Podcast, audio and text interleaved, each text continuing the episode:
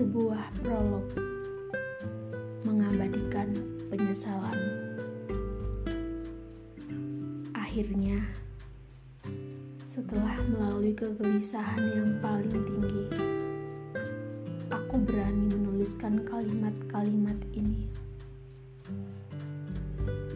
Sudah sejak sebulan lalu aku menulis prolog untuk cerita ini. Berkali-kali. Tapi berkali-kali pula aku hapus. Berkali-kali memantapkan hati untuk menuliskan cerita ini dengan harapan bisa dibaca banyak orang, menyadarkan banyak jiwa, membendung penyesalan di tubuh orang lain agar tak merasakan apa yang aku rasakan sekarang ini.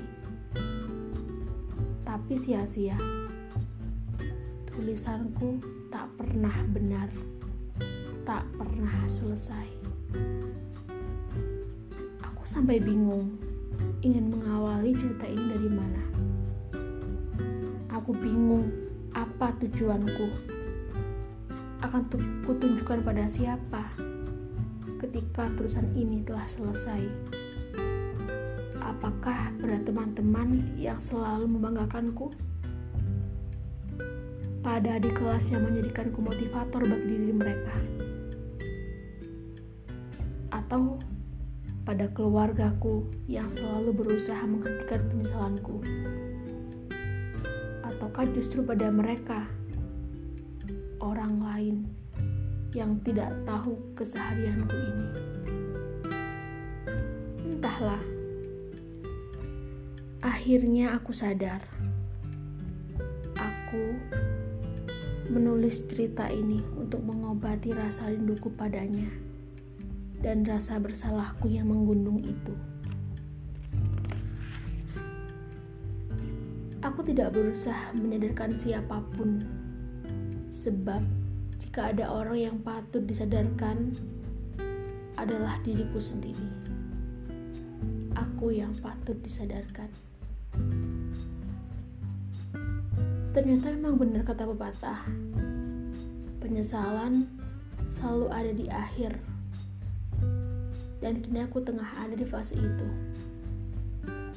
Jika dulu aku belum merasakan penyesalan ini, mungkin aku akan terus mengulangi kesalahan yang sama, sibuk dengan diriku sendiri hingga lupa bahwa ada yang lebih penting dari itu.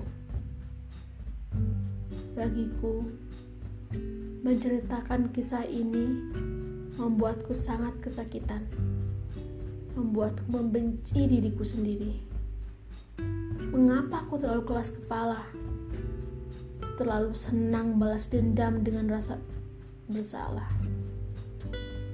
Terlalu berambisi untuk membongkar hinaan orang lain.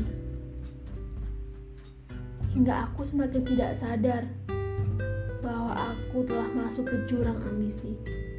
Aku lupa bahwa selama ini sedang berada di jalan yang salah. Meminta Tuhan mengabulkan semua doaku. Tetapi aku sendiri lupa bahwa ridho orang tua adalah ridhonya. Ternyata aku tidak mendapatkan ridho itu di langkah pertama.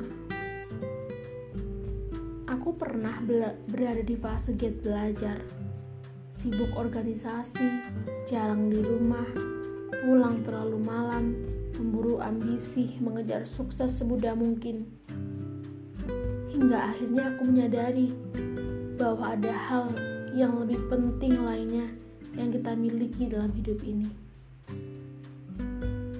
Saat aku menjalani hari-hariku yang kacau ini, aku baru sadar bahwa aku sudah tidak bisa berbuat apa-apa lagi.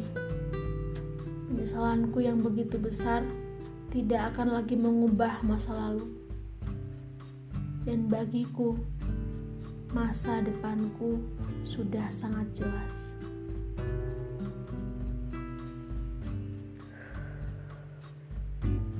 Biarlah aku menulis cerita ini untuk diriku sendiri. Setidaknya sebagai pengingat bahwa doa dan harapan harus terus disampaikan kepadanya. Lekat dalam kenangan lalu. Rahayu SJ